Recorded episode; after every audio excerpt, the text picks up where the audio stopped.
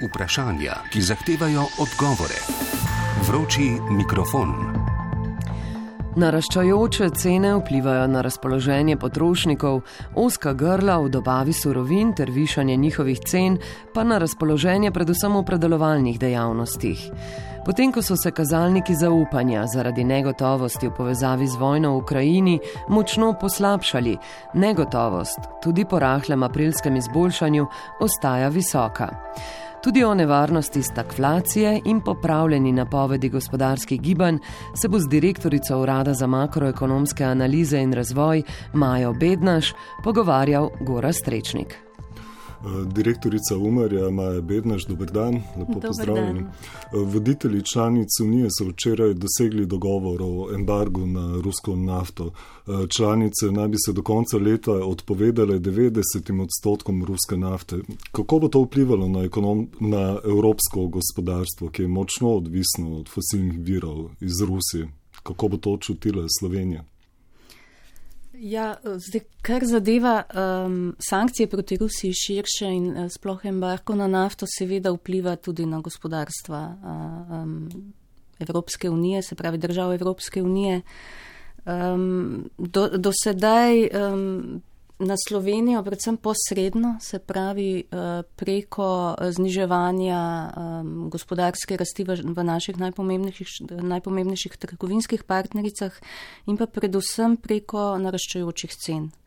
Eh, zlasti energentov, draži se tudi hrana, kjer mi sicer nismo neposredno odvisni od recimo od uvoza žitaric iz Ukrajine, ampak naraščajo cene na svetovnih trgih in Vsi smo priča recimo um, kar visokim cenam sončničnega olja, kar je povezano s, tem, s to teženo dobavo. Zdaj, kar zadeva sam embarko na nafto, um, so, je pa tu kar veliko scenarijev, ki se trenutno delajo, kakšen bo vpliv na, na evropska gospodarstva. Uh, seveda je pomembno, um, v kakšnem tempu bo prišlo um, do, do tega uvajanja embarka. Seveda, če se to zgodi čez noč, je to velik šok. Če se dogaja postopoma, uh, kar je, kot razumem, tudi uh, naj bi se to dogajalo nekako do konca leta, uh, je tu možnost nadomestitve. Eh, z drugimi dobavitelji nafte. Nekatere države so že zmanjševale, zmanjšujejo odvisnost od uvoza ruske nafte. Je pa seveda to šok eh, za, za gospodarstva in ravno v, v tem, kakšna bo ta substitucija oziroma tudi v kolikšni meri se bo pristopilo z nekimi eh, morda vrčevalnimi ukrepi. Eh, je odvisno, kakšen bo učinek. Tako da ocene, eh, moram reči, ki smo jih pregledali v zadnjih dneh, tednih, se gibljajo od nekaj desetink odstotne točke vpliva na gospodarsko aktivnost do nekaj odstotnih točk. Eh, je ta zelo širok razpon in kolikor, vkolikor bo to postopno, bo ta učinek verjetno nekoliko blažji, bomo pa vsi občutili te posledice menim uh, tudi osebno, da, da je nemogoče pač iz um, takih ukrepov priti brez nekih posledic oziroma učinkov, ki bi se poznali. Ampak še pred embargom na rusko nafto se je razpoloženje v gospodarstvu v maja ponovno poslabšalo, predvsem med potrošniki in v predelovalnih dejavnostih. Eh, kdaj bo pričakovano prišlo do prelomne točke v pomankanju surovin, energentov, hrane? Kako dolgo bo to obdobje? Vsi nekako pogledujete proti jeseni. Um, zdaj, kar zadeva prelomno točko, če je tu mišljeno neko, neko splošno pomankanje oziroma um, morda celo rezi ali pa um, ne vem, resne redukcije, um, menim, da, tega ne, ni v bližnji prihodnosti, razen, razen če se res eh, zadeve katastrofalno poslabšajo. Tako da eh, to vrstnih um, prelomnih ali pa nekih katastrofičnih dogodkov zaenkrat ni, ni v nobenih scenarijih. Ne? In mislim, da je ravno tudi ta pristop nekih, neke postopnosti, vendarle ima tudi to v mislih. Um, tako da um, tega zaenkrat ni v, v scenarijih, ki se, ki se delajo, pripravljajo, preračunavajo in tudi menim, no, da, da se nam ni treba bati, vsaj, vsaj zaenkrat tako kaže. Ampak jesen bo pričakovano težje. Ne? Eh, zdaj jeseni je predvsem, ker prihaja uh, kurilna sezona ne, in uh, mora biti ne pomankanje ali pa, ali pa manjše dobave plina, predvsem plina, ne, uh, so lahko uh, neka, neka težava, ovira ne, in, in je prav, da se že sedaj države, tudi Slovenija, pripravljajo na morebitne slabše scenarije, če bi prišlo um, do, do nekih zmanjšanih količin dobave plina. Uh, tu, tu imam predvsem v mislih eh, pomoč tistim, eh, ki bodo s tem najbolj prizadeti in so hkrati tudi najbolj ranljivi v smislu nizkih dohodkov. Ne. To je pač gre za, za pravzaprav osnovno življensko potrebščino in um, je treba tistim uh, skupinam pomagati s ciljanimi ukrepi. Seveda to ni, ni enostavno um, postaviti kriterije in zagotoviti, da pomoč res pride k tistim, ki jo uh, najbolj potrebujejo. Je pa še kar nekaj časa, ne, da, da se to premisli in pripravi, ker kot rečeno. To ne poteka, ta to razmišljanje, razmišljak ne poteka samo v Sloveniji, ampak tudi širše. Že zdaj raven plač v javnem sektor, sektorju, naprimer, že od novembra zaostaja, zaostaja za ravnjo iz preteklega leta. V kolikšni meri je to povezano z odpravo naprimer, dodatkov zaradi epidemije in kakšen je ta učinek v kombinaciji z inflacijo? Je dejansko inflacija res više od uradne ali gre samo za nek vtis ob hitrem višenju cen, medtem ko plače dejansko stagnirajo? Ja, zdaj, kar zadeva plače v javnem sektorju, drži to, kar ste um, navedli v vprašanju. Dejansko je to posledica, se pravi, sedanji padec nižja raven. Če gledamo na, na ravni celotnih plač v javnem sektorju, uh, nižja raven kot istem obdobju lani je posledica umika COVID-nih ukrepov, se pravi, teh COVID-nih dodatkov, ki so bili, moram reči, kar um, široko izplačevani v, v lanski, lansko pomlad. In um, same plačene, če izuzamemo te COVID-ne dodatke, pa se niso znižale. Ne? In to, to je treba upoštevati, tako da tu ne gre za stagnacijo plač. Ker zadeva pa vpliv inflacije, seveda vpliva na kupno moč. Ne? In uh, če pogledamo nominalni, nominalni znesek plač in realni znesek plač, seveda uh, rast cen vpliva na, na to um, realno plačo. Zdaj, eh, kar zadeva dejansko inflacijo. Uradna inflacija je ta, ki jo izmeri statistični urad, temeli na metodologiji, ki upošteva um, široko košarico življenskih potrebščin in izhaja iz, ta sestava te košarice izhaja iz neke povprečne strukture potrošne gospodinstva. Seveda vsak posameznik, vsako gospodinstvo ima svojo košarico in se morda njegova um, ta individualna oziroma uh, ta zaznana inflacija uh, zaznava povišanja cen, se seveda razlikuje od te um, uradne inflacije, ampak tu gre za povprečje. Se pravi, to je povprečna košarica utežena, vsak izdelek eh, dobi svojo utež v tej košarici glede na povprečno porabo, tako da to je statistični podatek, ki odraža povprečje. Um, ravno statistični urad je včeraj objavil, da so cene uvoženih izdelkov v letu dni narasle skoraj za 30 odstotkov. Uh, cene surovin so više za 33, kovine pa za 55 odstotkov. Dražijo se papir, kemikalije, kemični izdelki, farmacevtske surovine in tako naprej. Uvoženi energenti so dražji kar za 180 odstotkov.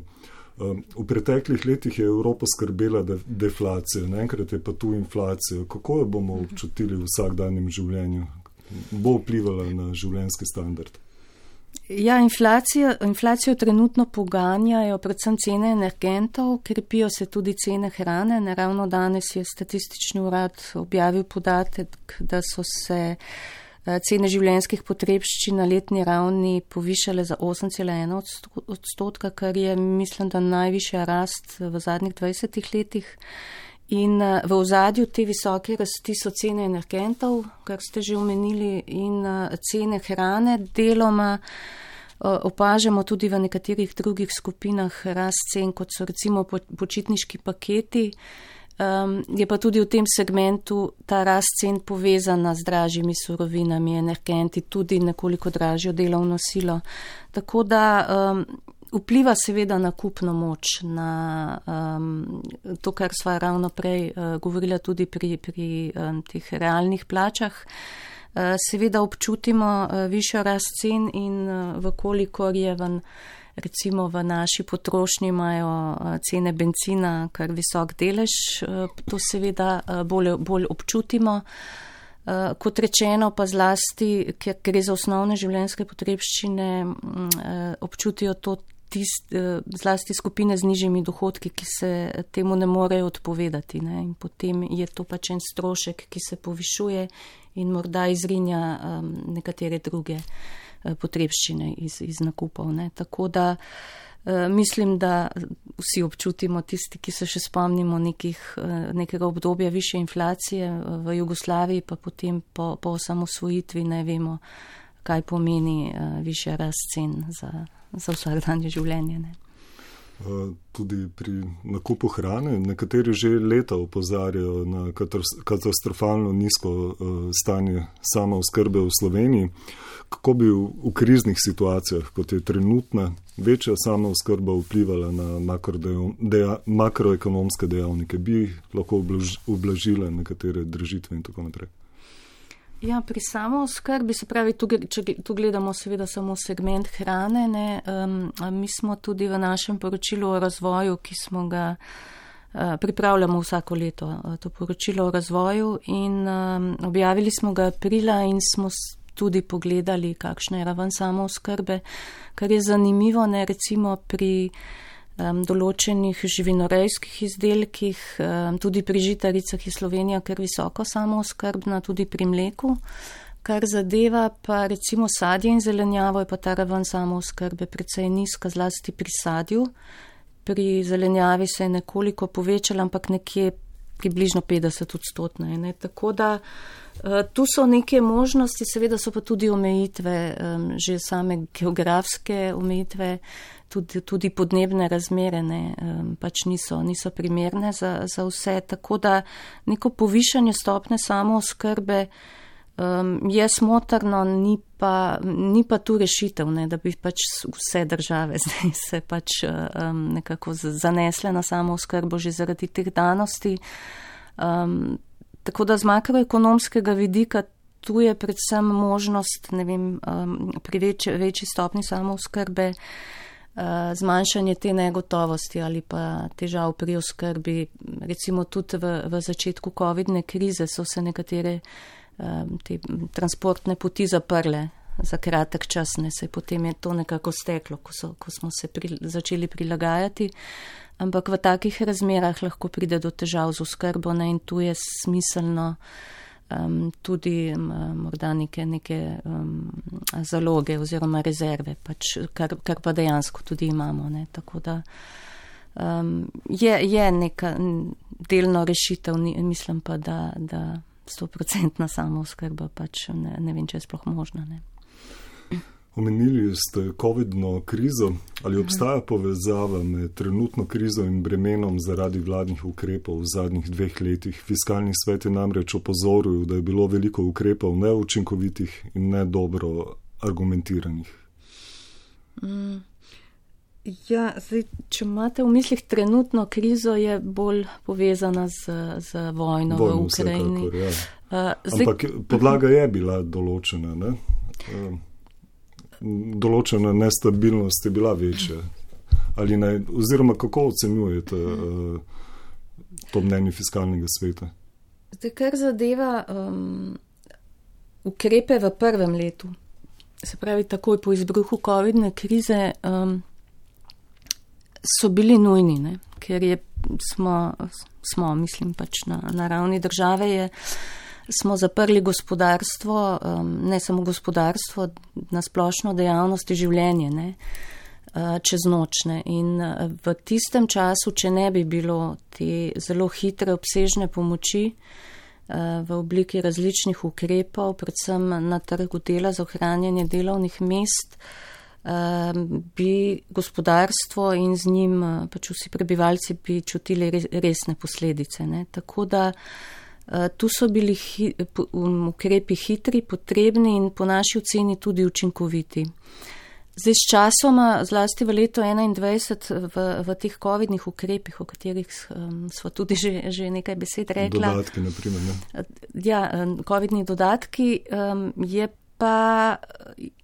Recimo, tu, tu je bil zelo širok nabor ne? in tu, tu je tudi mnenje fiskalnega sveta, sveta, da, da, so, bil, da so bili ti um, COVID-ni dodatki preobsežni, morda preširoko zastavljeni.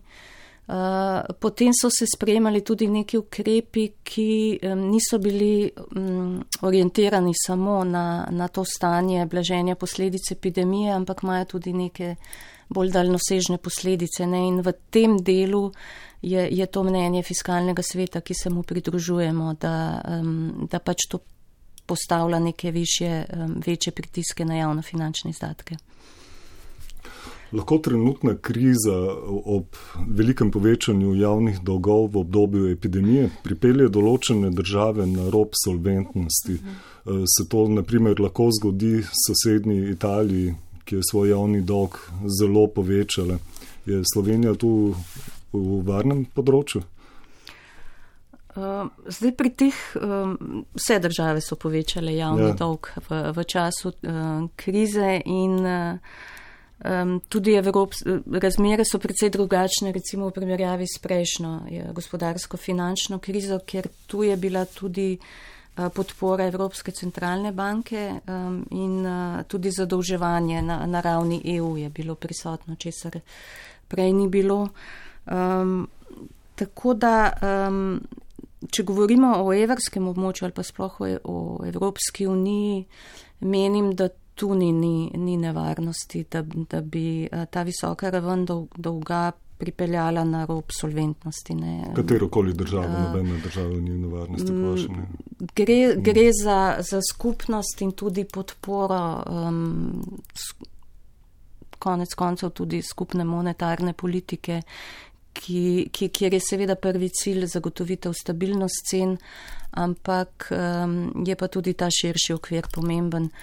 Um, tako da um, menim, da, da to vrstne nevarnosti ni, kar zadeva sploh nesolventnost. Pri Italiji je recimo tudi pomembno, da, da je veliko tega dolga, ki je res na ravni 150 odstotkov bruto domačega proizvoda, tam nekje se gibljajo te cifre.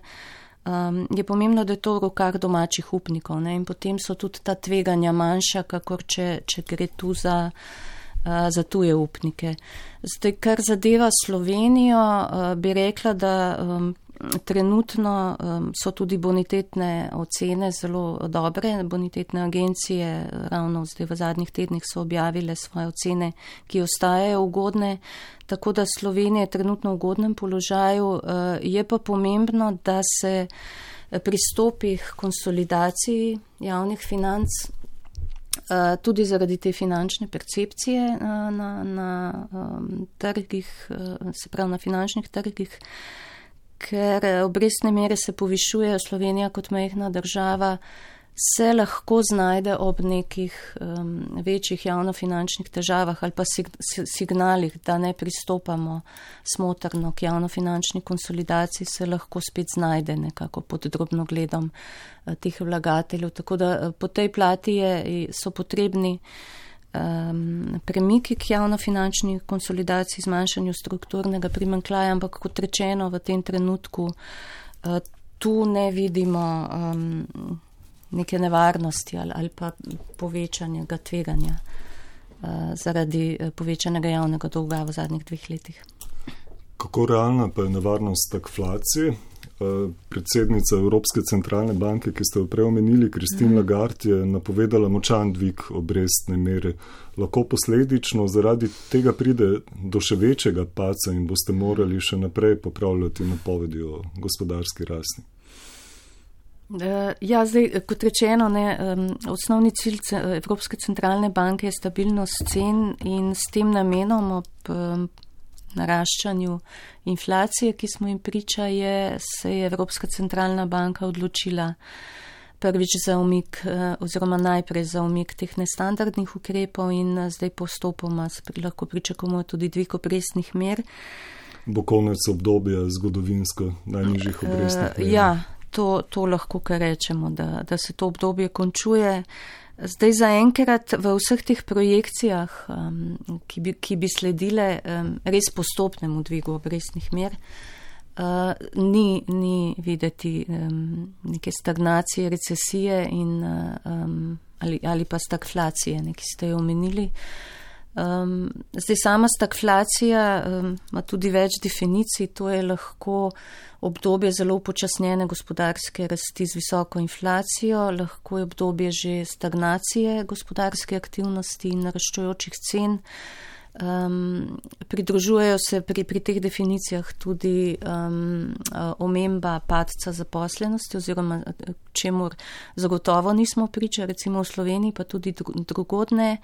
In zaenkrat tudi v projekcijah vseh napovedih, ki so bile pripravljene v zadnjih tednih, je pričakovati upočasnitev gospodarske rasti, ampak izven teh nekih definicij stagflacije trenutno. Um, so pa seveda tudi tveganja, ki se omenjajo in uh, v teh, um, bom rekla, bolj, bolj rizičnih uh, negativnih scenarijih se omenja ta možnost, ampak zaenkrat kot manj verjetna. Kaj bo zaostrovanje denarnih politik in dvig obrestnih mer prinesel eh, kreditojemalcem, ki imajo kreditne eh, pogodbe s premenljivo obrestno mero? Ja, pri teh um, pogodbah um, s premenljivo obrestno mero je seveda vsakdo, ki se uh, odloči za takšno uh, pogodbo, um, se mora oziroma bi se moral zavedati tudi tveganja, ki ga um, takšna, kakšna, takšna določba prinaša. Seveda zdaj uh, omenili ste zgodovinsko nizko obdobje, um, zgodovinsko obdobje nizkih obrestnih mer. Um, je trajalo kar dolgo ne, in morda um, se v nekaterih primerjih um, se nekako zanašalo, da bo, da bo to trajalo dalj časa.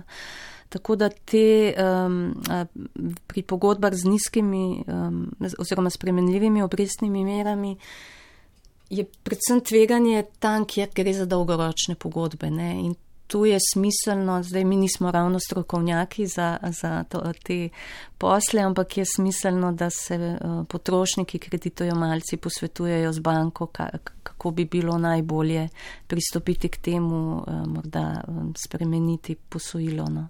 to je, so na sveti. Kot rečeno, mi nismo strokovnjaki, ampak je, je smiselno, um, raz, en, en razmislek je potreben, ne, ker um, obresne mere se bodo poviševale. Ne, to mislim, da lahko že zagotovo rečemo. Um.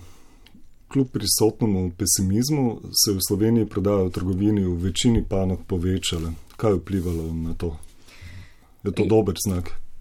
Ja, zasebna potrošnja um, kar močno raste. Uh, zlasti v lani, nekako v drugi polovici leta in tudi letos v prvem četrtletju, moram reči, da nas je kar presenetila. Uh, visoka rast zasebne potrošnje, zdaj razlogov za to je več. Najprej mora, se moramo spomniti na leto 2020, ko smo um, prenehali trošiti, bodi si zaradi velike negotovosti, ne, eh, predvsem pa v, zlasti v tistem začetnem obdobju eh, enostavno ni bilo možnosti.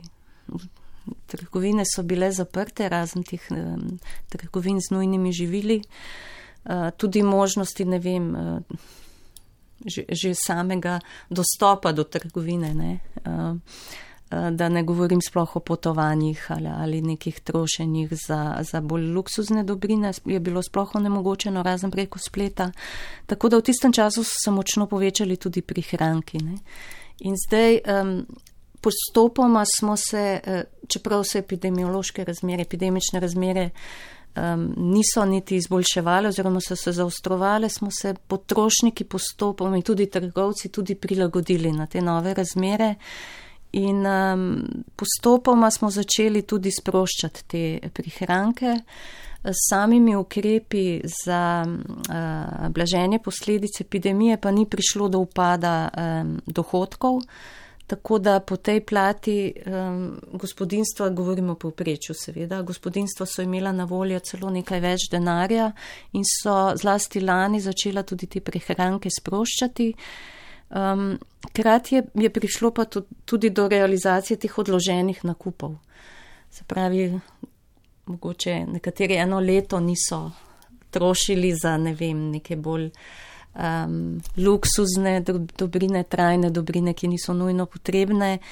In uh, da čist po domače smo si na, enostavno zaželeli tudi mal bolj sproščenega nakupovanja, potovanj, kjer je bilo možno. In uh, to se pač odraža potem v res visoki rasti trgovine, tudi potovanj, uh, čeprav moram pa reči, da kar zadeva samo panogo turizma, uh, je bila pa najbolj prizadeta in se bo tudi nekako med zadnjimi se vrača na tiste ravni eh, pred epidemijo, ampak kazalniki, ki jih spremljamo v zadnjem času, kažejo kar pozitivne trende, tudi obisk tujih turistov nekaj narašča. Ko sem prešel po Ljubljani, je bilo ogromno turistov.